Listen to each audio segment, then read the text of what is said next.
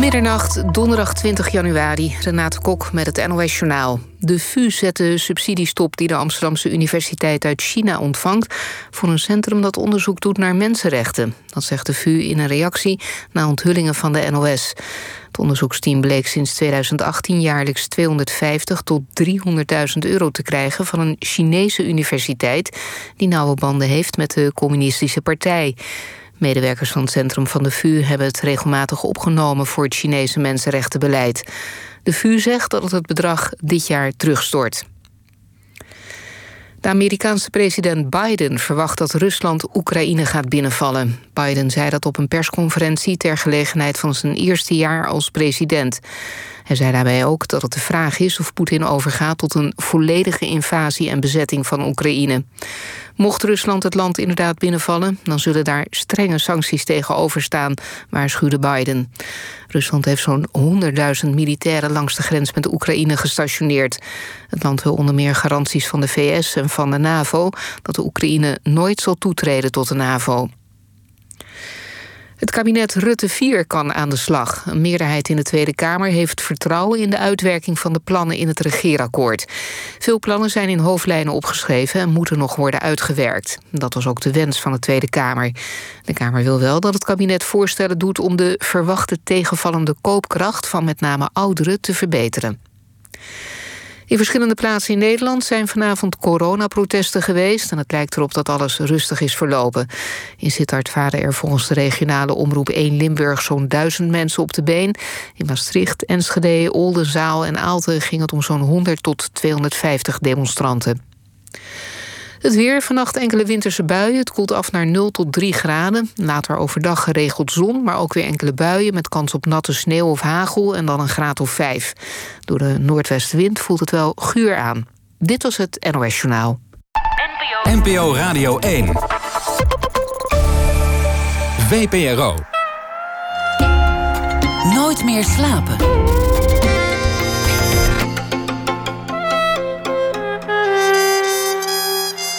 Met Pieter van der Wielen.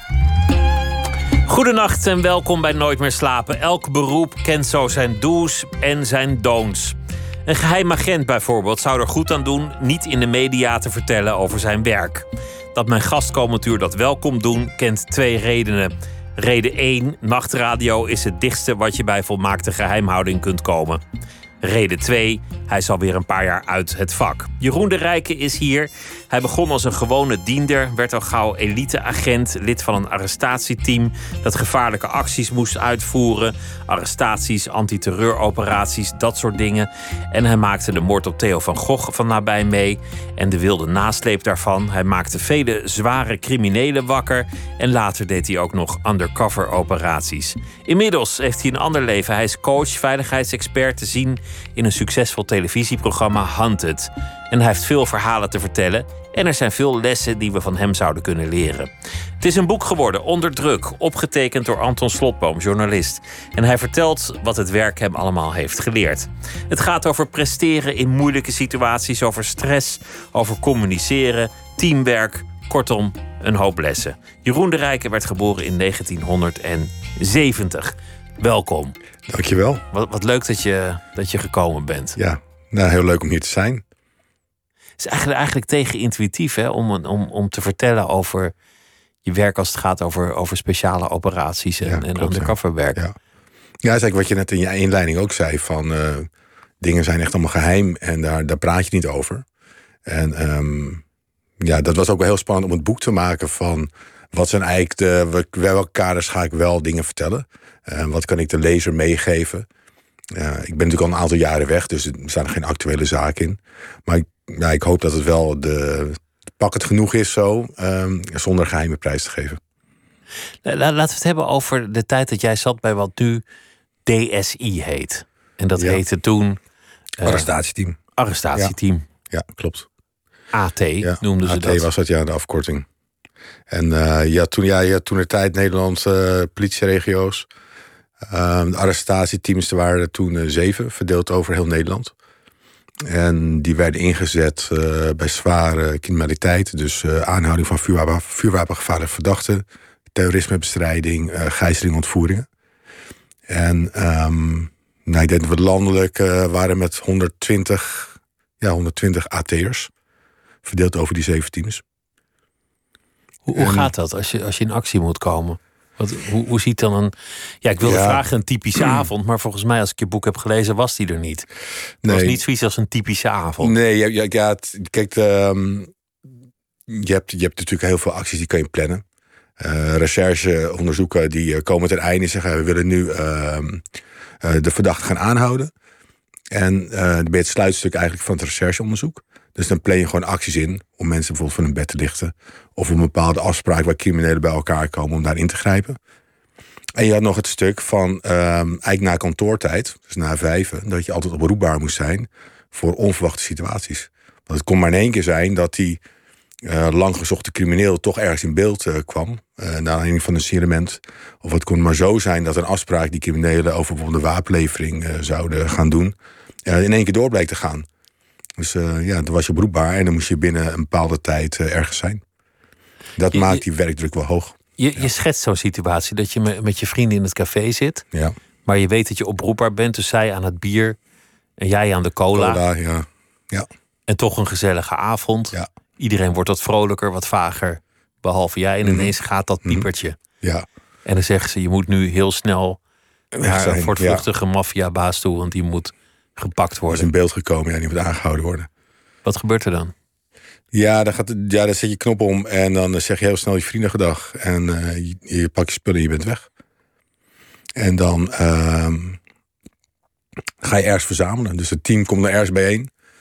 Um, vaak zijn, uh, nou, we hadden altijd een soort werkwijze dat er al twee mensen de boel in kaart hadden gebracht. Die waren lang vooruit gereden. Die waren al eerder opgeroepen. En um, nou, die keken dan uh, op de locatie zelf. Uh, waar die bijzonderheden waren, hoe we het beste te werk konden gaan. En dan maak je een actieplan. Uh, ja, hoe je zo iemand het uh, makkelijkste dan. en eigenlijk het doel, dat is vergeten eigenlijk te zeggen. met zo min mogelijk geweld. Je bent wel het zwaarste geweldmiddel wat de politie in huis heeft. Maar het blijft altijd het doel om iemand met zo min mogelijk geweld aan te houden. Dus dat plan wordt gemaakt ehm, met de informatie die je op dat moment tot beschikking hebt. Nou, als ik dan een voorbeeld heb dat iemand zich in een woning bevindt, um, dan heb je de, ehm, de scenario's voor liggen uh, hoe je het snelste naar binnen komt. Want jullie bellen het nooit aan, hè? Of belden nooit nee, aan? Het is altijd eh, binnen zonder kloppen in feite. Het is altijd of explosief ja. of de deur inrammen. Ja. En het klinkt heel, uh, dat klinkt heel gewelddadig, maar uh, het gaat, snelheid is in dit geval veiligheid. dus je wil iemand verrassen, je wil iemand overrompelen. Want uh, de situatie wel zo dat je erop berekend bent dat iemand uh, kan vluchten en dat die vlucht extreme gevaren zou opleveren als die er vandoor gaat. Maar ook dat die vuurwapengeweld niet zou schuwen. Dus hoe meer tijd je iemand geeft om uh, weer rationeel te kunnen handelen, des te gevaarlijker wordt de situatie. De snelheid was in dat geval altijd de veiligheid.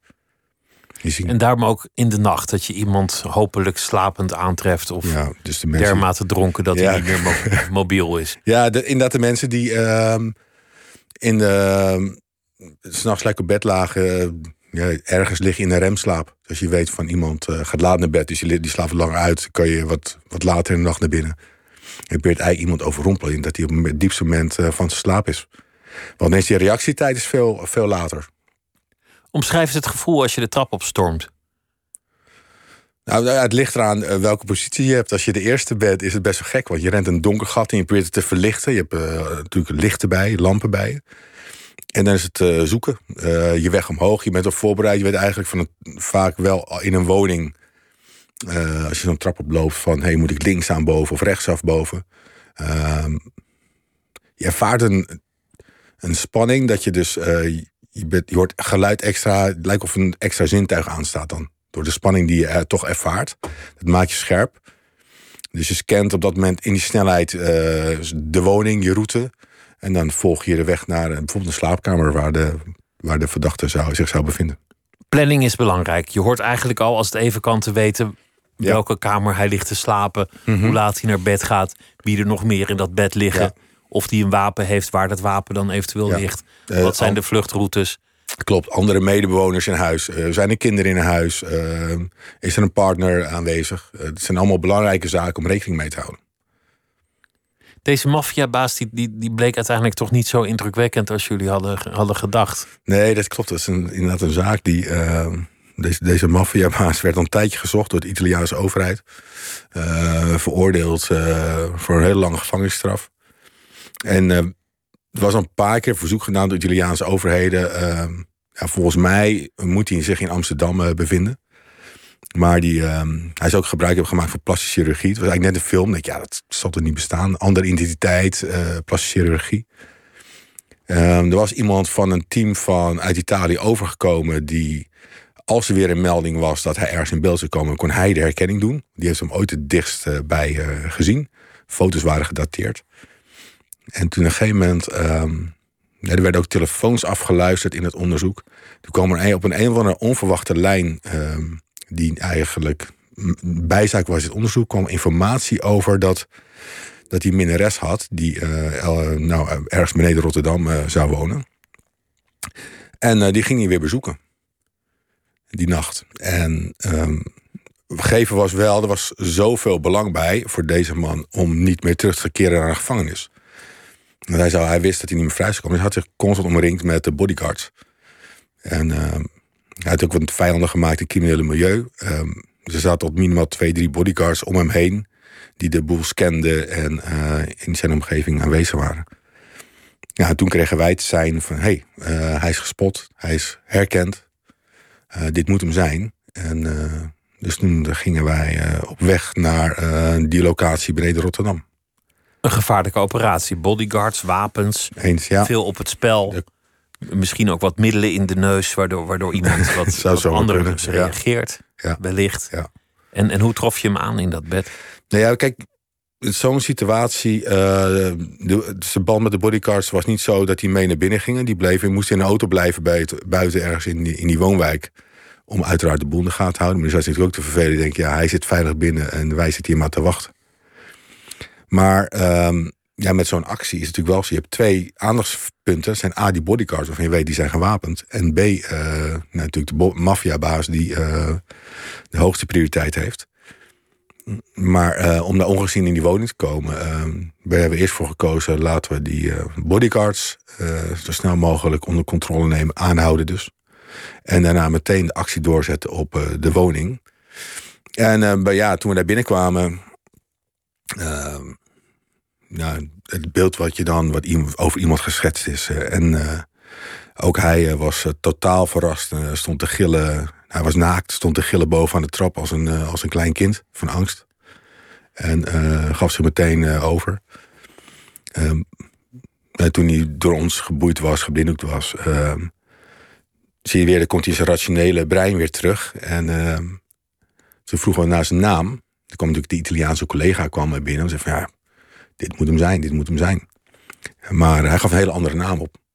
Zij denkt, ja, ik hou maar vol dat ik een andere identiteit heb. En wij zeiden, nee. Dat is eigenlijk best wel slim als je dan zegt, het is allemaal één groot misverstand. Je hebt de verkeerde. Ja, misschien, dus die, die switch. Laat ze je gaan. Dat die zou... switch die hij maakt van uh, snel uh, dat als veiligheidspak.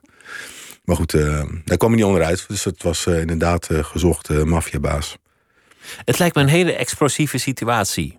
Er, komen veel mensen die hebben zojuist zo de deur ingetrapt. Die komen de trap op. Die schreeuwen politie, politie, politie. Ja. Dit om, om duidelijk te maken, ik ben geen collega crimineel die de buit komt. Mm -hmm, mm -hmm. Dat zou ook nog wel eens een soort situatie kunnen opleveren. Ja. Iedereen gillen, iedereen krijsen, iedereen in de stress. Geen overzicht. Het is half donker. Midden in de nacht. Je komt net uit het café waar je cola zat te drinken. Het lijkt mij een ontzettend explosieve situatie van alle kanten. Ja, ja, en, en toch is daar uh, sprake van, uh, ja, van, ik wil bijna zeggen 100% controle. Maar ik wel naar om dat eigenlijk te zeggen van, je voorbereid, alles gaat om de voorbereiding. Uh, dus dat je, je komt vanuit, in dit geval kwam ik uh, vanuit een café met vrienden. Ehm, maar op dat moment kom je met je team bij elkaar. En je verwerkt met elkaar informatie, je neemt potentiële scenario's door. Uh, je verdeelt de taken. En um, nou, het team is zo op elkaar ingespeeld dat je, nou, je weet van elkaar wat je, wat je van elkaar kan verwachten. Ook als de situatie in één keer zou veranderen. En um, vanuit die rust uh, ga je eigenlijk een paar minuten later uh, vol aan. Want dan moet die actie wel inderdaad explosief. Om daarna weer terug te vallen in rust. Dan pak je weer overzicht, uh, controle. Ehm, ja, dan draag je eigenlijk alles over naar het rechercheteam, wat eventueel nog onderzoek wil doen. Er zijn een aantal interessante dingen die, die je zegt hier. Namelijk één, de voorbereiding is ontzettend belangrijk. Ga nooit mhm. zomaar een huis binnen zonder dat je het precies weet hoe het zit. Heb je alle informatie? Mhm. Wat moet ik weten? Het team moet ongelooflijk sterk zijn. Ja, klopt. Hoe bereik je dat eigenlijk, dat een team zo sterk wordt? Ehm, ja, ik, ik, geef uh, trainingen aan, uh, aan bedrijven en organisaties. Onder andere in ehm, ja, hoe kan je effectiever samenwerken. Hoe kan je, en ik vind altijd het draait om vertrouwen. En uh, kijk, zo'n team in zo'n bedrijf hoeft niet te functioneren als een arrestatieteam wat overal maar naar binnen kan eh, vallen, zeg maar. Maar um, ik hanteer daar vijf V's voor, dus eigenlijk altijd een stukje voorbereiden. nou, als ik hem vertaal naar een kantoorbaan van hey, wat staat me deze dag te wachten? Wat voor afspraken heb ik staan? Welke collega's zijn er? Uh... Wat gaan we eigenlijk doen? Ja, die vraag. Wat, ja. En um, dan kom je ook uh, items tegen. Denk, hey, hier zie ik eigenlijk wel tegenop. Uh, ik heb straks een gesprek met iemand die, waar ik eigenlijk wel een beetje uh, pijn in mijn buik van krijg. Nou, dan ga je er wat meer in verdiepen. Van hoe kan ik me beter voorbereiden op zo'n gesprek? Hoe, dus je gaat je verdiepen in een situatie. misschien heb je er iemand bij nodig. Misschien moet je wat sparren met een andere collega over een situatie. Dus je gaat met elkaar verbinden. Wat ik heel belangrijk vind. En uh, dat gaat vertrouwen geven. Dus je gaat die situatie met veel meer vertrouwen tegemoet. Um, en dat geeft veiligheid op een werkvloer of in een team. Mis ik nou nog EV? Nee, ik had uh, voorbereiden, um, verdiepen. Voor, verdiepen, vertrouwen. En veiligheid. Oh ja. Vijf heb ik er. Ja, ja. Nee, nee het klopt. Ik zat, ik zat te tellen. Uh, ja, en uh, het is altijd nog leuk om nog eentje bij, bij te plakken. Ik vind altijd, met, ik vind altijd ook wel van, uh, als je spanning ervaart, stress ervaart, probeer dan te vertragen. Dat is altijd een backup veetje, zoals ik hem noem. Van, uh, door eigenlijk te vertragen in een spannende situatie in je hoofd, pak, creëer je overzicht. En vanuit zo'n nieuwe positie kan je dan. Uh, eigenlijk even uitstappen, een stap naar achter doen. Ja, klopt. Misschien niet fysiek, maar mentaal.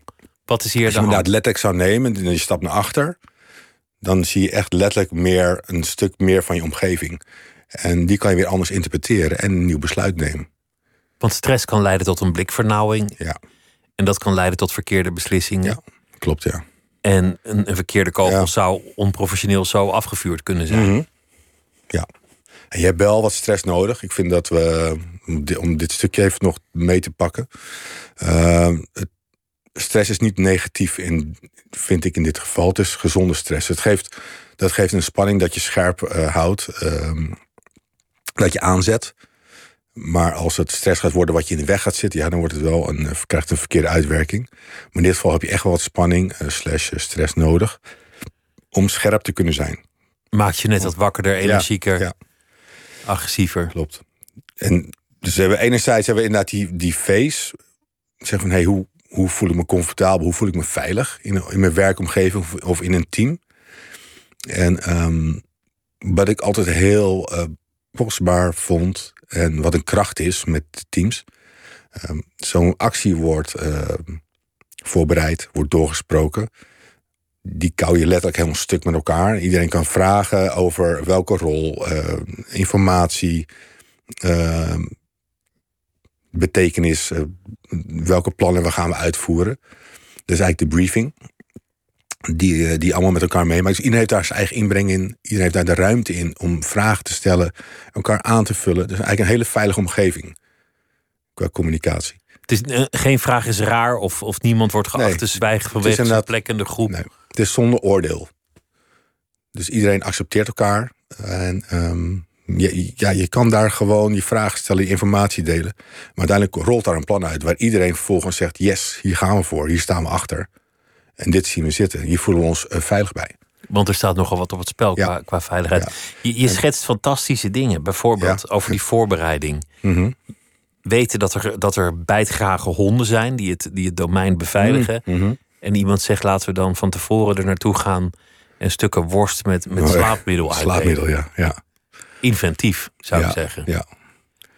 Ja, kijk, en dat is ook een situatie. Je zegt van nou, ik wil niet dat de boel uh, gealarmeerd wordt en dat, uh, het, nadat je komst al aangekondigd wordt uh, ver van tevoren en dat iemand kan reageren, maatregelen kan nemen um, om een vlucht of zich te gaan verzetten. Um, nou, wat ik zei, je wil zo min mogelijk geweld uh, toepassen. In ieder geval heb je wel met uh, dieren te maken die, die ons dan in de weg zouden staan. Maar dan is het wel humaan om te zeggen, weet je, toch even een, een, een klein slaapmiddeltje dat ze misschien twee uurtjes even hun roes kunnen uitslapen. En niet verstorend zijn in, in die actie op dat moment. Andere verhalen zijn, ja. zijn, zijn criminelen of, of arrestanten. Hoe noemen jullie dat? Cliënten? Nee, geen cliënten, vast niet. Nee, verdachten. Verdachten. verdachten ja. Die, die, die alles laten lopen ja. in, het, in het heetst van de strijd. Mm -hmm. ja. Die in hun broek plassen of zelfs ja, poepen. Die poepen zelfs, ja. En dan, dan ja, met poepen al in, in de arrestatiebus moeten. Ja. ja. Dat, dat soort verhalen staan er, staan er allemaal in. Ja, kijk, het, um, dat, dat zegt ook iets over zo'n overrompelingende snelheid. Dus um, dan, dan ook iemand die dat totaal niet verwacht. Je zit in feite in een hele veilige omgeving. Je ligt lekker te slapen. En in één keer word je zo geconfronteerd met uh, zo'n situatie. Ja, dit, dit heeft te maken ook met stress en uh, spanning. En dan uh, laten mensen, in dit geval de verdachte, alles lopen. En um, ja, daar moet je ook wat mee. Want uh, je kan het moeilijk op de achterbank van de auto zetten in die toestand. Dus daar moet even een oplossing voor bedacht worden. Hoe dat, dat heeft te manning, maken wel met de uiting van stress, die mensen ex extreme stress dan ondergaan. Je schetst ook de periode, eigenlijk de jaren na 9-11. Ja. Dan verandert, dan verandert jullie werk in Klopt. een heel korte tijd Ja, volledig. ja. Overal is dreiging, Mm -hmm. overal moet worden ingegrepen. Ja. Um, en eigenlijk komen jullie mankracht tekort. Ja. Dus dit is een periode waarin jij maanden aan een permanent aan het werk bent en van casus Dat is naar casus. een hele drukke periode. Ja. Veel mensen zullen zich de beelden herinneren kort na de moord op Theo van Gogh van uh, Den Haag, waar arrestaties rond wat toen heette de Hofstadgroep plaatsvond. Mm -hmm. Waar op een zeker ogenblik ook een, een, granaat is gegooid naar een aantal agenten. Ja. Wat relatief goed is afgelopen, eigenlijk Ja. wonderbaarlijk. In die zin dat niemand het leven heeft Ja, gelaten dat die is dag. inderdaad wel, ja, klopt. Maar toch een, toch een aantal van jouw collega's ernstig gewond geraakt. Mhm, ja. Jij was bij soortgelijke acties die dag ook aan het werk. Ja, kijk, um, na de moord op uh, Theo van Gogh uh, werd natuurlijk heel snel door de recherche een heel netwerk uh, in kaart gebracht. Mensen die ook aan hem gelinkt waren, uh, die um, aan de verdachte en die wel of niet handelspandies hadden ver, verricht. En er bestond natuurlijk ook een vrees van: hey, straks komen er nog meer aanslagen. Waar hebben we mee te maken? Dus er moesten overal invallen plaats, mensen opgespoord werden, invallen plaatsvinden. Ja, en in Den Haag, die, die liep inderdaad lelijk uit de hand. Dat was vreselijk. En je kent elkaar, het is een hele kleine wereld. Dus je, je weet om, om welke collega's het gaat. Dat is natuurlijk verschrikkelijk. Wat, wat voor impact heeft dat op jou? Ja, je schrikt daar enorm van. En je wilt natuurlijk weten, uh, hoe is het met ze? Uh, hoe heeft dat kunnen komen? Um, wat voor reactie gaat het verder nog geven? Waar moeten wij nog extra voorbereid zijn? Um, ja, en daar, en daar, wil je, daar wil je dan nog wel op ingrijpen. Je zegt niet van, nou, uh, we doen maar een stap terug. Nee, uh, we gaan door. Want we gaan zorgen dat dit stopt. We gaan dit oplossen. We moeten door. We moeten door. Ja, ja, ja je moet door. Je moet door. Tegelijk weet je ook waar je het voor doet. Veel van die, van die mensen van toen zijn al, alweer vrijgelaten inmiddels. Ja. Inclusief. Uh, degene die de granaat wierp. Ja. Sommigen hebben een ander leven gevonden. Anderen ja. zitten nog ja. ergens een beetje in de marge. Mm -hmm. Houdt dat je dan bezig nog? Um, ja, sommige dingen. Kijk, ik lees de nieuwsberichten wel met, uh, met, een, met een gezonde nieuwsgierigheid. Ik denk, oh, inderdaad, jaren later lees je nog wel eens terug. Maar eigenlijk hou ik niet meer bij wat een afloop is van een uh, van onderzoek. Ik vind het wel leuk altijd om een rechtszaak te lezen. Ook om daarvan uit te leren van waarom besluit een rechter uiteindelijk om tot, tot, tot, tot dat oordeel te komen. Of waarom heeft een advocaat een bepaald verweer, pleidooi gevoerd. Uh, waarin andere omstandigheden worden aangedragen. Um, daar kan je ook zelf van leren. Geef je ook inzichten naar uh, hoe iemand leeft, hoe iemand uh, tot een bepaalde daad is gekomen. Wat weer zijn verhaal is. Dat is ook zijn verhaal, ja. Hoe rij je naar huis na zo'n zo'n actie? Destijds, dat is voor jou achter Ja. de rug. Je doet dit werk niet meer, Nee, dat, dat moet nee. ik wel benadrukken. Maar je hebt, het, je hebt het flink lang gedaan. Mhm. Veel meegemaakt. Dat, dat lijkt me eigenlijk het gekste moment. Je hebt, je hebt net zo'n actie gehad midden in de nacht. Ja, Met een kogelvrij vest, met een helm, je gaat van, van, met een geweer. klopt, van spanning ga je in één keer naar rust. En wat ik daar net nog vertelde over een eh, briefing, hè, dus de, de, het gesprek wat je met elkaar voert eh, voor een actie, de plannen die je maakt voor zo'n actie. Eh, dan heb je ook een debriefing na de actie.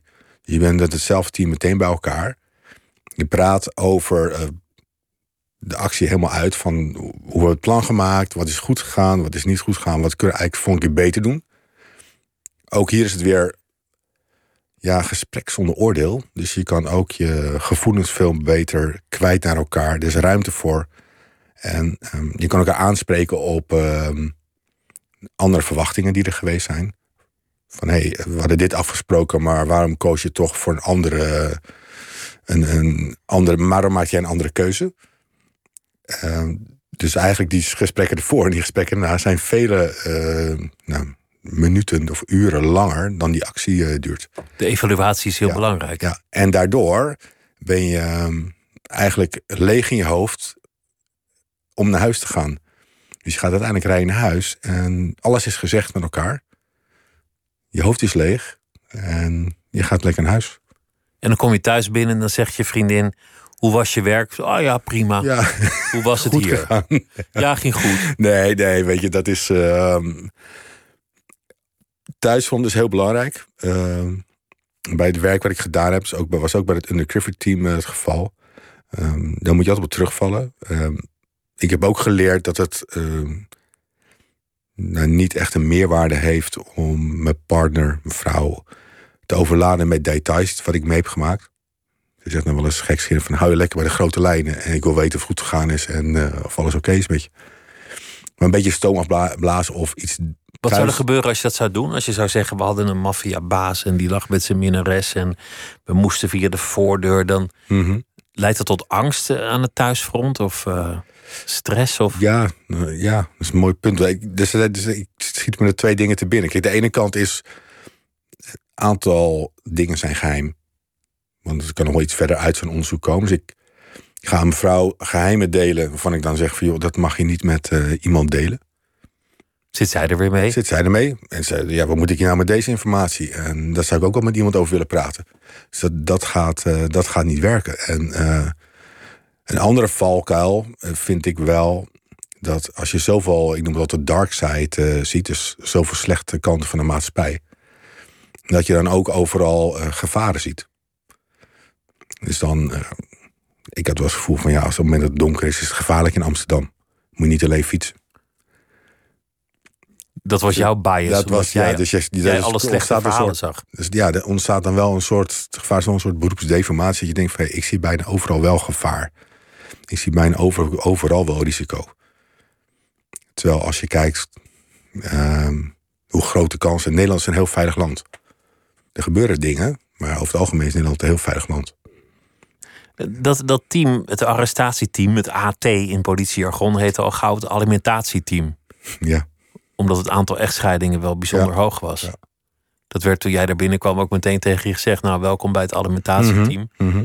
En niet lang daarna liep je relatie ook op de ik clip. ben toen ook gescheiden, ja. Kort later. Had dat daar iets mee te maken? Ehm, ja, ik denk dat het zeker meespeelt. Het zegt ook iets eh, over eh, hoe je in een relatie staat, denk ik. Van eh, hoe transparant wil, je- kan je zijn? Hoe, hoe bespreek je dingen thuis? Ehm, kan je partner dat werk aan? Of verwacht wat je van je partner verwacht? En ik was, denk als ik naar mijn eigen situatie kijk, je gaat op in je werk en op dat moment moet er alles voor wijken. Ja, en dan, dan, kan je, dan is het ook een gevaar dat je uit elkaar gaat groeien. En niet meer, dingen, de, de, niet meer de dingen deelt die je had moeten delen. Dat je er niet En was dan- op momenten dat je er had moeten zijn. Nee, klopt. En dan, Vaak s'nachts weg, dat soort dingen. dan, dan ligt een zo'n relatiebreuk al eh, erg op de roer. En dat, dat kwam al, denk ik, wel vaker voor eh, binnen die teams dan eh, elders binnen eh, organisatie. Er is, er is nu veel om te doen om de stress bij undercover agenten. Dat heb je ook een tijd gedaan, zulke operaties. Klopt. Plannen, leiden, Mhm. een aantal keer zelf uitvoeren. Er hebben een aantal mensen zichzelf van het leven beroofd. Mhm. Wat waarschijnlijk een achtergrond had in dat beroep. Mhm. is ook, ook het een en ander over in de pers verschenen. Dat, die stress die lijkt me enorm en, en die blijft kennelijk toch ergens zitten. Ja, ik. ehm, kijk, er is, er is naar. Er is inderdaad veel in, over het nieuws eh, geweest. Er heeft een commissie heeft daar eh, een grondig onderzoek naar gedaan naar die vreselijke gebeurtenis. En er zijn ehm, in ieder geval aanbevelingen uitgekomen. waarin dingen drastisch moeten veranderen. En ehm, ik denk dat het heel goed is dat die eh, strak nagevolgd gaan worden. Om, om op die manier een veilige omgeving voor die mensen eh, te creëren. Neem niet weg dat ik ook denk dat er ook. eh, het heeft op een bepaalde manier eh, zover gekomen. De aanbevelingen die er liggen, die, die zijn ook niet misselijk. En ja, daar moet, daar moet ook wel op doorgepakt worden. Ik denk ook wel dat daar mensen hun verantwoordelijkheid moeten nemen die daarin betrokken zijn geweest. Want je hebt zelf undercover werk gedaan. Wat, wat is het zwaarste daaraan? Ik denk de geheimhouding. Het, eh, dat je niks mag zeggen tegen wie dan ook. Ja, kijk, ik, ik eh, stuurde undercover operaties aan en ehm zorgde voor de veiligheid van infiltranten, maakte plannen, begeleidde de operaties. Eh, dat doe je met andere identiteiten. Dus je hebt gewoon hele andere namen, eh, identiteiten bij je. Je werkte vanuit safe houses. En dat was eigenlijk allemaal zo geheim dat eigenlijk de reguliere politie niet wist waar je zat, wie je was. En het altijd wel spannend was dat ik zelf aan de kant gezet werd door de politie. Van ja, je wil niet dat die identiteit eh, in het politiesysteem komt. En dat je daardoor eh, zeg maar tegen de lamp loopt. Dus dan moest je liegen tegen wat eigenlijk collega's waren. Ja, ja. Of dat je niet herkend eh, wordt door die collega's. nee, dat maakt het complex. Dus die geheimhouding van het werk. ehm, dat, dat vond ik wel. de, dat is daar de zwaarte. Het is ook in tegenstelling met de arrestatieteam. Hier zit geen snelheid in. En de coverwerk is langzaam bouwen, eh, vertrouwen. En puzzel bij puzzel. eh, de puzzel de, stukje bij stukje de puzzel oplossen. Dus soms al maandenlang Ja, een dubbel veel geduld hebben. Ja. Het lijkt me ook heel gevaarlijk. Als een crimineel erachter komt dat je niet bent wie je zei dat je was, dan zal het niet een goed lachse reactie opleveren. Nee, er zit natuurlijk allemaal uitdagingen in in het werk. En risico's inderdaad. Ehm, ik denk als je het vergelijkt met uh, de IRT-affaire toen een tijd. Waar dit soort operaties ook heel erg eh, besproken zijn geweest. Dat, daar zitten risico's aan. En, ehm, maar meer, ik denk wel eens van, er zitten ook wel risico's aan van... Nederland is best wel een klein land. Dus ehm, Je komt elkaar gauw weer tegen. de kans dat je elkaar tegenkomt en dat je herkend wordt, dat, dat vind ik wel een, eh, een, een risico. Zeg van, hoe, dat, hoe kan je dat beperken? Hoe kan je daar goed mee omgaan? Is dat je wel eens gebeurd dat je een avond ging, ging bowlen of dineren met je vrouw en dat je ineens zei: Oeh, wegwezen, ik zie een bekende uit een ander leven? Nee, niet direct. Niet direct. Ik heb wel, eh, wel eens in een café gestaan waar ik eh, mensen zag van, ik, oh, dit is niet fijn om ertussen te staan. Maar ehm, nee, ik ben, niet, eh, ik ben niet een crimineel tegengekomen waarmee ik. eh, en dan nog, weet je, dan zou je het ook moeten. Maar het is voor, zeker voor de betrokkenen is het allemaal niet, niet fijn als dat gebeurt. Voor wie net inschakelt, Jeroen de Rijken zit tegenover mij. Hij heeft een boek geschreven, opgetekend door journalist Anton Slotboom, Onder druk. En dat gaat over zijn tijd als eliteagent en wat andere mensen kunnen leren van de, de lessen die hij in dat vak heeft geleerd. Het, het klinkt allemaal als een, als een hele stoere, snelle, macho wereld. ja. Gepantserde auto's, zware wapens, allemaal eh, ontzettend fit en afgetraind. Waar, waar, het, waar het in jouw leven mee begonnen is, en, en ik vond, vond het ook wel, wel mooi dat je dat beschrijft, is, is dat je eigenlijk enorm gepest werd op school. Ja. Dat, dat je het pispaaltje was. Ja, zeker door eh, jongens uit een eh, hogere klas. Ik was best wel groot voor mijn leeftijd. En ehm, dan merk je in één keer dat je door jongens uit een hogere klas eh, ehm, uitgekozen wordt als, eh, om gepest te worden. Dat, was, dat was de trigger voor hun om jou Ja, uit te kiezen. ja. Wat heeft dat met je gedaan? Is dat, is dat gepeste kind nog aanwezig? Nee, nee, ik, dit is wel een. ehm, ik heb het toen met een vriend over gehad die bij me in de klas zat. En maar dat, ik zie wel dat je. Het beïnvloedt wel hoe je dan beweegt op school. Uh, je, het maakt je als kind dan heel ongemakkelijk. Van uh, zijn die pesters in de buurt? Uh, laat ik maar via een andere in- of uitgang naar buiten gaan. Voor mij was toen op school nog ineens. een, was er niet een pestbeleid. Hè? Dus je kon niet bij, makkelijk bij een decaan of iets, mentor terecht misschien ook wel een drempel hè, om, dat, bespreekbaar te maken. En toen uh, zei een goede vriend van mij tegen mij: joh, ga eens mee naar uh, karate. Vind je dat wel leuk? Want uh, wie weet, hè, dan heb ik, ben ik toen karatelessen gaan nemen. En los of dat ooit geholpen. Maar dat, dat, ik denk dat het me heel erg geholpen heeft om een bepaalde uitstraling, zelfvertrouwen op te bouwen. Waardoor je nou, veel zelfverzekerder wordt. En denk, ja, oké, als ik dan nog een keer gepest word, dan weet ik wel te handelen of dan weet ik wel iets terug te doen. De sport was eigenlijk voor jou emanciperend in die ja, zin. Klopt, ja. ja. En dat geeft zelfvertrouwen. En ik geloof wel, als je dat uitstraalt naar een ander, dat, dat hij je dan ook anders leest. En dat hij je helpt om uh, bepaalde situaties of uit de weg te kunnen gaan of aan te kunnen gaan. Je, je beschrijft dat je vader een, een verkeersongeluk heeft gehad. Hmm. Waar hij waarschijnlijk een blijvende hersenbeschadiging aan over heeft gehouden. Ja, ja. Waardoor hij niet de vader is geweest die hij misschien wel had Mhm. kunnen zijn. Wat, wat heel tragisch is. Ja. Dus, dus jouw moeder moest het hele gezin eigenlijk in haar eentje runnen. Ja, dat heeft ze heel knap gedaan. Ik heb nog een broer en uh, dat ik hem, ja, mijn vader eigenlijk niet anders gekend dan uh, zoals, hij, uh, zoals hij altijd is. Maar hij, ja, voor hem was het heel moeilijk om, om een vaderrol te pakken en voortouw te pakken om het gezin te draaien. Dat deed mijn moeder. Dus alles kwam, al het initiatief, alle regie, opvoeden kwam bij mijn moeder vandaan. Wat, wat voor omgeving was het verder? In wat voor wijk woonde je? Ja, wij wonen eigenlijk. Uh, die woningen zijn denk ik na de oorlog, jaren 50, uh, gebouwd. Uh, een rijtjeshuis, redelijk. ja, een woonwijk. In een middelgrote stad, in Haarlem. En veel, veel vrienden, kinderen in de straat. Uh, mijn moeder werkte vaak, want mijn vader had een, had een uitkering omdat hij niet kon werken.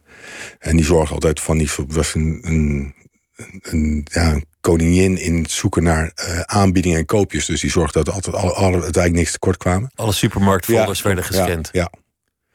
Dus uh, dat was eigenlijk, wat niet veel geld thuis, maar uh, we zijn eigenlijk niks tekort gekomen. Waarom, waarom wilde je bij de politie? En, en later, waarom wilde je dit gevaarlijke werk doen?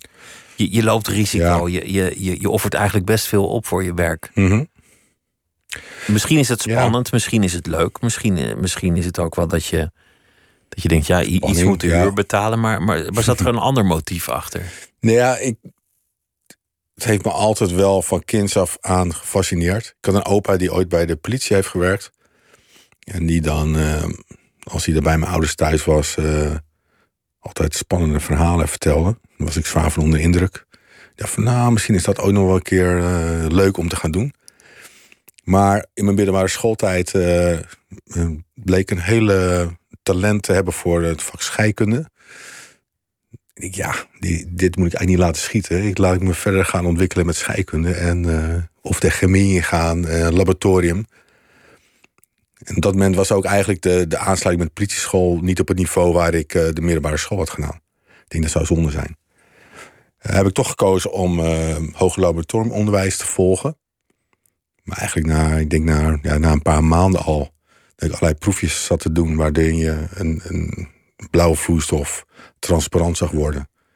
Heel nuttig werk. Maar denk jij, dit kan ik later altijd nog een keer doen. Hier kan ik nog een keer naar terug. Maar als ik die politie nog wil doen... waarom zou ik het niet proberen? Dus toen heb ik... Uh, dat was toen nog een bonnetje uit een krant zelfs... Uh, geknipt, ingevuld... En toen werd ik uitgenodigd voor een, uh, voor een sollicitatieronde bij de politie. Die pet past jou ook, Die was ooit een ja, slogan. Ja, ja, pet past je ook en je mond is het beste wapen, geloof ik. Ja, was het toen. En nog langer geleden, de politie is je beste vriend. Maar dat Ja. hebben ze op een gegeven moment maar losgelaten. Dat, ja, klopt. Zit er ook een soort rechtvaardigheidsdrang in? Ja, en idealisme? Ja, ik heb wel een sterk gevoel uh, voor rechtvaardigheid. Ik heb een hekel aan onrechtvaardigheid. En ik, ja, ik heb, ik heb wel het gevoel van als ik nu op deze manier iets kan bijdragen aan veiligheid, aan de maatschappij, dan uh, doe ik dat graag. Zou het misschien wel met dat pesten te maken kunnen hebben? Dat is ook een vorm van onrechtvaardigheid. Dat zou best een, dat zou best een bruggetje geweest kunnen zijn. Dat, dat zijn uiteindelijk uh, de bullies die, het, die het winnen in een ja, samenleving als niet iemand ingrijpt. klopt. Ja, misschien was het toch een onbewuste drive geweest. Ja. Een soort, soort revanche. Wat, wat, wat zo mooi is in, in dit werk is dat dat hele stoere, het overwinnen van gevaar, gepaard gaat met ook, ook een heel zachtaardige blik op de wereld, op elkaar. Mm -hmm. Je moet elkaar helpen, je moet over je gevoelens kunnen praten, je moet Ja. anderen naar gevoelens vragen, Ja, klopt. je gevoelens onderkennen. Ja. Er zit, er zit eigenlijk een, een enorme zachte kant ook aan. Ja, dat, ja, we noemen het eigenlijk de soft skills. Het is eigenlijk door zo'n zachte kant. eh, ja, dan maak je eigenlijk de meters. Dan maak je dat een situatie vertrouwelijk wordt. Dat je, dat je elkaar aan gaat voelen. Dat je je kwetsbaar durft op te stellen. En daar gaat het eigenlijk wel om. Want als ik me kwetsbaar open opstel, zal jij me makkelijker durven aan te spreken. Zal ik het niet eh, zo snel gaan ervaren van hé, hey, ik word nu aangevallen met argumenten en ik ga in de verdediging. Dus, dus die level met eh, zonder oordeel eh, op gelijkwaardig niveau elkaar aanspreken, die is gewoon heel belangrijk. En die bereik je wel door je inderdaad kwetsbaar op te stellen, open te stellen, eh, geïnteresseerd zijn in elkaar. Het, het, het vraagt zoveel van een mens, die twee uitersten in een, in een Ja, dat zeer gek. korte tijd. Dat begrijp ik, ja. ja. De deur opblazen, de trap oprennen, iemand onder schot houden, Mhm. hem op zijn buik flikkeren in de boeien en dan aan zijn nekvel in de arrestatiewagen. Anders krijg je poep aan je vingers. Ja. En tegelijk dat je, dat je ook je, je soft skills, zoals jij ze noemt, in Ja. orde moet hebben. Ja. Ja. Daar, daar, zit, daar zit een groot contrast. Ja, het is een groot contrast, zeker als je hem zo schetst. Maar ik denk ook in, ja, ik denk op een gemiddelde werkvloer, eh, waar je constant onder spanning staat, eh, dat, dat gaat, ook, gaat ook wrikken bij in een team of onder personeel. Dus je kan inderdaad een, een piekspanning aan, een, vergadering, of je pakt een bepaald resultaat, je haalt bepaalde opdrachten binnen. Maar je kan niet van mensen verwachten dat je constant maar eh, die targets blijft halen en constant maar op die targets blijft zitten. Ik probeer die manier een beetje te vergelijken. Van, je moet hem op een gegeven moment weer terug laten vloeien naar. Hé, was je weekend? Dus even, En- even pieken, dat, dat is heel goed. Maar als, als er de hele tijd druk is en de hele tijd stress, dan, dan ben je gewoon het team aan het slopen. Ja, klopt. En dat, dat, ik denk dat je dat ook wel kan zien in bepaalde organisaties. Van hou het mensen maar een paar jaar vol. Dan willen ze naar iets anders. Dan loop je constant op je tenen. Maar als je, denk als je af en toe. Die, of niet af en toe, je moet die spanning halen. Want zeker in commercieel moet je natuurlijk je targets halen. Er moet geld verdiend worden. Maar terugzakken naar een stuk ontspanning. Contact maken met elkaar. Werken aan vertrouwen. Werken aan een veilige omgeving. Ik denk, ik ben ervan overtuigd dat je daarna een veel groter resultaat pakt. als je weer voor een, eh, voor een nieuwe target gaat. Of weer voor een nieuwe opdracht gaat. Hoe was dat bij de politie? Dit klinkt niet als een baan die je 30 jaar volhoudt. Nee, nee, deze. eh, Er zijn toevallig twee functies waar binningstermijn aan gekoppeld zitten. Dus eh, dat, zijn, dat zijn tijdelijke contracten. Dus je, solliciteert wel ergens voor, maar je weet van hey, dit is over acht jaar of tien jaar is dit eindig. Dan moet ik wat anders gaan doen. Ik moet eerlijk zeggen, toen ik solliciteerde, ik van ja, dit vind ik eigenlijk best wel raar dat hier een binningstermijn aan eh vast zit. Want ik zou dit wel veel langer willen doen. Ik zou zelf de regie willen hebben. Maar ik ben er wel van overtuigd dat het goed is om binnen een bepaalde periode te switchen in werk. Te kijken van hé, hey, waar kan ik me eh, op een bepaalde manier mijn expertise overdragen? Waar kan ik weer ergens anders uitdaging zoeken? Want hoe bijzonder dit ook eh, is, en misschien wel uitzonderlijk voor, eh, voor een doorsnee lezer, zeg maar. Ook dit wordt weer gewoon. Ook dit wordt routine. Ja. En daar Alles moet, wordt je, routine daarmee. daar moet je voor waken. Wat was het moment dat je dacht, ik, ik moet weg, ik moet gaan? Eh, bij de politie? Ja. Überhaupt? Ja. Dat was eh undercover. Dat, bij het undercover team. ehm, stopte mijn binningstermijn. Ik liep aan het einde van de binningstermijn. Die werd toen heel erg gereorganiseerd uh, bij de politie. Uh, er gebeurden goede dingen, maar er gebeurden ook minder goede dingen. Um, ik was aan het zoeken van hey, waar vind ik het beste aansluiting bij? Waar kan ik mijn expertise in kwijt? En ja, door een reorganisatie worden afdelingen samengevoegd, worden mensen geplaatst en geplaatst. Uh, omdat ze niet weten wat ze daarmee aan moeten. En dat voelde niet goed. Ik denk, ja, hier, dit gaat me heel veel energie kosten om um, me gelukkig te voelen, om dit te vertrouwen. Het gaat me heel veel energie kosten om mijn plek weer te vinden. Ik ben natuurlijk ook door het undercover team best wel anoniem geweest, best wel onzichtbaar geweest binnen de politieorganisatie. Het kostte sowieso energie om daar weer zichtbaar te worden. Dat is, dat is wel een heel geestig bijeffect van undercover werken, dat je onzichtbaar binnen de organisatie bent ja, geworden. Klopt, ja. ja. Beetje paradoxaal eigenlijk. Ja, ja, dat is wel gek. En nou, die elementen uh, zetten me ook aan het denken van... wat nou, en ik denk dat mijn leeftijd ook wel daarin meespeelde. Want ik dacht van, als ik nu de knoop niet doorhak... om misschien eens buiten de politie te kijken... waar kan ik de samenleving op een andere manier helpen? Waar kan ik zelf de regie pakken? Is dat moment nu al? Had je een plan? Ja, ik had wel een plan. Ik ik vond training en coaching uh, vind ik heel leuk. En ik had een coachingsopleiding gevolgd. Uh, ik denk, ja, ik ga dat mensen helpen. Uh, ik ga mensen helpen om zich verder te ontwikkelen. Om hun belemmeringen weg te nemen. En dat ze lekker in hun vel zitten. Ik ga wandelingen maken met ze. En, en ik, dat coachen zag ik helemaal zitten. En ik denk, als ik dat nog kan combineren met trainen... dan um, is dat, zijn dat eigenlijk elementen waar ik gelukkig van word toen kwam. Dus ik had dat wel als plan. Om daar in ieder geval die richting te zoeken. En toen werd ik gevraagd uh, vrij snel voor het programma uh, Hunted. Om daar mee te doen. Wat eigenlijk niks met training en coaching te maken heeft. Maar uh, ik dacht, de uitdaging die ik daarin zag, was omdat ik altijd onzichtbaar ben geweest. Ik dacht van ja, nu ga ik in één keer het tegenovergestelde doen. Ik ga ook nog een keer op tv met mijn hoofd. Vol het licht in. Ja, wat doet dat met me? En um, wat gaat me dat ook brengen?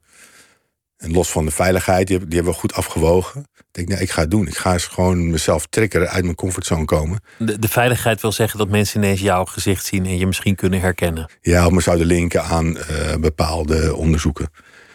Waardoor ik. Uh, nee, dus dat was niet het geval. Ik denk, ja, ik ga die uitdaging gewoon aan. En inmiddels zijn we een paar seizoenen verder. Het is een spectaculair succes, dat programma. Ja, het is inderdaad, uh, wordt heel goed bekeken. Voor, voor de mensen die het niet gezien hebben, het, het is uh, groepen prominente Nederlanders. Ja. Die, die worden met een missie erop uitgestuurd. Eigenlijk vergelijkbaar met het soort missie dat jij zou doen, alsof je ze als een undercover ja. team ergens op ja. afstuurt. En dan leren ze van allerlei dingen over Mhm. elkaar en over zichzelf. En, en over de wereld. Ja. En jij bent daarin de coach. Ja, ik, ik maak deel uit van het uh, opsporingsteam op uh, headquarters. Dus ik ben tactisch rechercheur, het programma. En inderdaad, er, gaan, uh, er, is een er is een versie, dat, daar gaan onbekende mensen op de vlucht. Die moeten binnen 500 uur worden opgespoord. er is nu ook een hele leuke variant met, met VIPs. Ja, en daar zie je eigenlijk dat je gebruikt opsporingstechnieken alsof je uh, zware criminelen gaat opsporen. Dus die zijn wel heel realistisch die, die je inzet. Maar je bent natuurlijk met minder mensen. Uh, het moet wat sneller. Het gaat wat sneller in de praktijk. De, informatie komt sneller naar je toe. Maar het geeft wel een hele realistische kijk voor, een, voor iemand die niet zo bekend is in opsporing. Van wat er allemaal mogelijk is. Maar het leuke vind ik ook het programma dat ook laat zien van hoe kwetsbaar je bent tegenwoordig met uh, camera's die er zijn. Uh, dat je digitale sporen nalaat. En um, dus dat er altijd aanknopingspuntjes zijn om iemand op te kunnen sporen. Zonder dat je er erg in hebt. Je schrijft ook ergens, de meeste criminelen zijn eigenlijk gewoon zullen. Zulletjes. Nou ja, ik noem het, uh, ik noem het prutsers. Prutsers? Prutsers noem ik het, ja. Dus ja, omdat ik het gewoon echt heel zonde vind dat um, mensen op die manier hun talenten vergooien. Want kijk, de gemiddelde crimineel die erin slaagt. Uh, nou, laat ik het niet de gemiddelde crimineel, maar de, een drugscrimineel die, die al jaren in slaagt om grote hoeveelheden uh, drugs uit Zuid-Amerika te transporteren op een hele creatieve manier en jaren dans ontspringt, is in die zin helemaal geen prutser. Het is eigenlijk een fantastische ondernemer die rete creatief is en uh, die een fantastisch resultaat neerzet.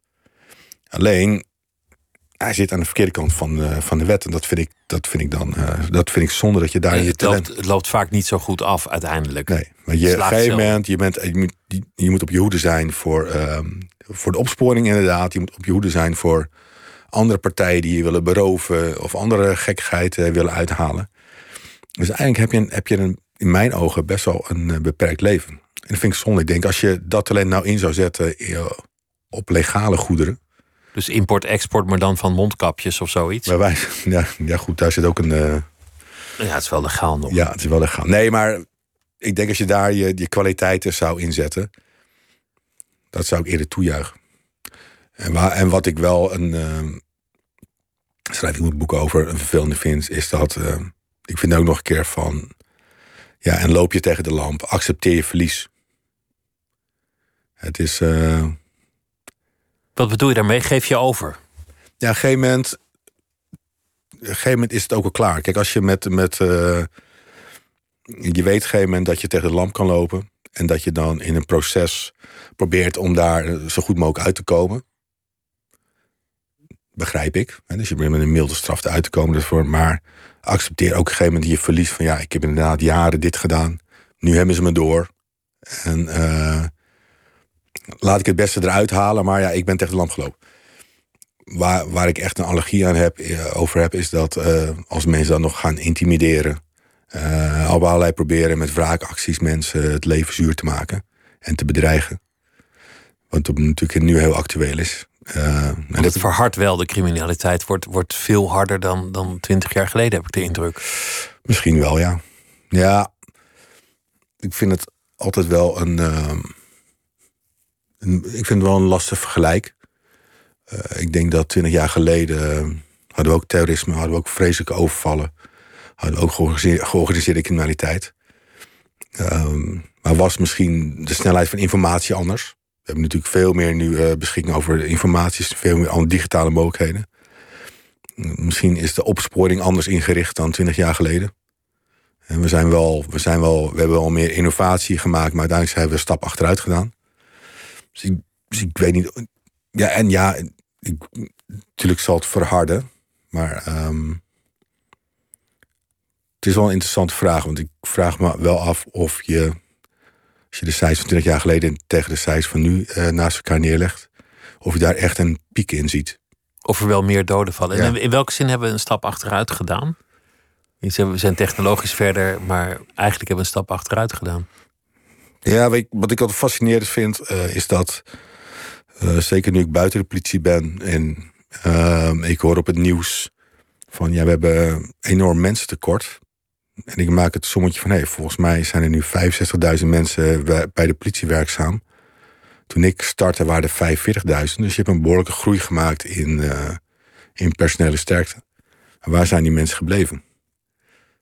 Worden die wel optimaal ingezet eigenlijk? Ja, en ik denk dat daar winst valt te behalen. De, in de opsporing is ook, uh, denk wel wat achtergesteld geweest. Er is daar minder op geïnvesteerd. Maar neem niet weg dat je nog steeds uh, 65.000 mensen hebt die uh, heel goed werk kunnen doen. En dat doen ze nu ook al, maar misschien moet je ze anders inzetten. Hoe sta je in het leven als je dit werk hebt gedaan? En je bent nu gewoon een burger. Je, je hebt een fantastische wending in je leven doorgemaakt. Door, door te gaan coachen, ja. door die tv-carrière mm. erbij te krijgen, door nu een boek te schrijven. Dus, dus je leven heeft, heeft je eigenlijk nog wel verrast en veel gegeven. Maar je bent toch ook die ex-agent die, die, die van alles ziet, die een soort tweede intuïtie heeft, die al het kwaad en alle botsingen van de samenleving heeft gezien. Ja. Hoe loop je door de stad? Heb je nog steeds een agentenblik? Vermoed je kwaad achter elke gevel? Ben je op je hoede? Ja, nee, dat zie ik wel anders. Ik denk wel dat je altijd, je hebt altijd wel de radar om um, een verdachte situatie eerder te onderkennen. Of ja, ik, heb het, ik schrijf het in mijn boeken als noem ik het een onderbuikgevoel. Ik heb me wel aangeleerd om veel meer naar mijn uh, gevoel te luisteren. Van hey, dit, uh, dit sfeertje voelt vreemd als je in een, in een café staat. Of ehm, ik voel me hier niet prettig op deze plek. Dat zijn best wel signalen die, waar je naar moet luisteren. En in combinatie met waarnemen, ervaringen die ik opgedaan heb in het politiewerk, ja, dat, dat zet je niet zomaar opzij. Dat is een soort tweede natuur geworden. Zet je dat dan ook uit? Zeg je, zeg je vriendin wel eens tegen je van, nu even niet joh? Uh, nee. Nee, nee, ik, nee, zeg ik van, ik zet het eigenlijk nooit uit. Want die, voor mij kan ik het ook nooit uitzetten. Het is een soort tweede natuur wat doorgaat. Dat is er. Misschien geef ik wel minder betekenis aan. Dus ik, ik geef er geen vervolgactie aan. Ik denk, oh, laat maar. Ik ga niet. Uh, bedoel, mijn actie zou zijn: uh, ik kan de politie bellen of ik kan zelf uh, ingrijpen. Wat ik niet, wat niet mijn voorkeur is. Maar ik denk, ja, gaan we weer, laat maar. Dat heb ik wel eens. Je, je, hebt, je hebt mensen in de meest extreme hoedanigheid gezien. Want je hebt, je hebt toen je nog een gewone agent was slecht nieuwsgesprekken gevoerd. Ja, ja. Dat, je, dat je bij iemand binnenkomt en zegt: um, Mag ik even binnenkomen? Ik heb mm -hmm. slecht nieuws voor u. Ja. Dat, dat lijkt, me, lijkt me ook afschuwelijk om, om dat, te doen. Ja. Je, hebt, je hebt criminaliteit gezien, je hebt geweld gezien, je hebt slachtoffers gezien. Ja. Al die dingen heb je, heb je meegemaakt. Kijk je, kijk je nu anders naar, naar de mensheid? Um, ja en nee. Ik heb, ik, wat ik daar straks bedoel, ik heb altijd wel een beetje dat dark side gevoel in me. Oog voor de zwarte kant van de, van de, samenleving, van de samenleving. Ja, dat je denkt van, uh, daar zitten potentiële risico's. Uh, maar dat, in dat gevoel blijven hangen of vanuit dat gevoel leven. Dus eigenlijk uit, inderdaad, eigenlijk een soort angstgevoel blijven leven dat gaat je ook niet helpen. Soms ook wel lekker om gewoon daar eens wat onbevangen in te gaan zitten. En denken, wow, het komt wel goed. Het komt wel goed, ja. Ook al weet je dat het soms niet zo is. Mensen zijn niet eng en uh, we leven in een, wat ik zei, een hele veilige maatschappij. En daar is ook fijn om daarvan te genieten. Dat is wat je wel eens vergeet als je te ja. veel de krant leest. Dat, ja. dat het hier uh, ja. een van de veiligste landen is waar, waar je in zou kunnen leven. Ja. Kijk, in een facet uh, die je aanhaalt, dat zijn natuurlijk hele uiteenlopende. Van ik, die slecht nieuwsgesprekken, ja, dat zijn eigenlijk gesprekken die, die vreselijk zijn om te doen. En uh, dat, dat zijn eigenlijk wel situaties waar je denkt van, ik wil hier zo snel mogelijk uit. Ik wil zo snel mogelijk weg. Dat kan niet omdat je, ja, je, je bezorgt op dat moment iemand zijn grootste nachtmerrie. En uh, dus daar moet je ook alle aandacht voor geven. Maar, Want dat schijnt belangrijk te zijn voor de verwerking, hoe het verteld is. Ja, ja, ja. Dat is zeker belangrijk. En dan, daar moet alles voor wijken. Je moet uh, nou, iemand die uh, dat soort berichten gaat overbrengen, ja, die. Je kan het leed niet verzachten. Of die kan het leed niet wegnemen, maar je kan wel de aandacht geven en de eerste aanzetten. En zorgen dat er hulp komt dat je. Ja, in ieder geval er zijn. Dat is dan heel belangrijk. Als zeg je gevoel van ik wil uit deze situatie. Ik wil hier weg, ik ja, wil hier niet ja, zijn. Nee. Maar dat is natuurlijk, denk ik, van uh, qua emoties. Zijn er zaken die je nog met je meedraagt? Heb je, heb je trauma's? Nee, ik heb geen trauma's. En dat is ook wel de betekenis of definitie van trauma. Ik heb, uh, ik heb wel na mijn politietijd ook omdat ik in de transitie zat van uh, dat loslaten en nieuwe uitdagingen. Uh, een aantal sessies bij een psycholoog gevolgd. Van wat doet het met je? Waar sta ik nu? En dan komen verhalen wel los. En als je dan um, een gegeven moment verhalen noemt waarin uh, waar je dan heel normaal over praat. Zei de psycholoog zei op een gegeven moment, ja, maar dit is eigenlijk helemaal niet normaal wat je vertelt. Wat jij nu allemaal opsomt, dat vind ik wel heftig. Dat is veel. Ja, en als je daarop inzoomt, hoe ga je daar mee om? Hoe heb je dat verwerkt? En um, nou, ik, ben, ik ben misschien wel dat ik zeg van nee, het gaat goed. Of ik laat die kant wat minder zien. Maar het feit dat ik bepaalde gebeurtenissen van 25 jaar geleden zo nog uh, voor, me, voor me zie. Of zo in één keer in details uh, weet op te noemen. Zegt wel iets dat je dat nog steeds met je meedraagt en niet vergeten bent. Dat het indruk heeft uh, ja. gemaakt. Het is, een, het is een mooi boek geworden, Onder Druk. Over een uh, eliteagent die je kan helpen om je skills te verbeteren. Om uh, beter te kunnen presteren.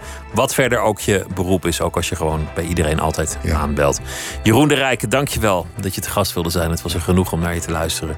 En dit was Nooit meer slapen voor deze nacht. Morgen zijn we er weer. Goeienacht. NPO Radio 1. Wie luistert, weet meer. NPO Radio 1. 1 uur.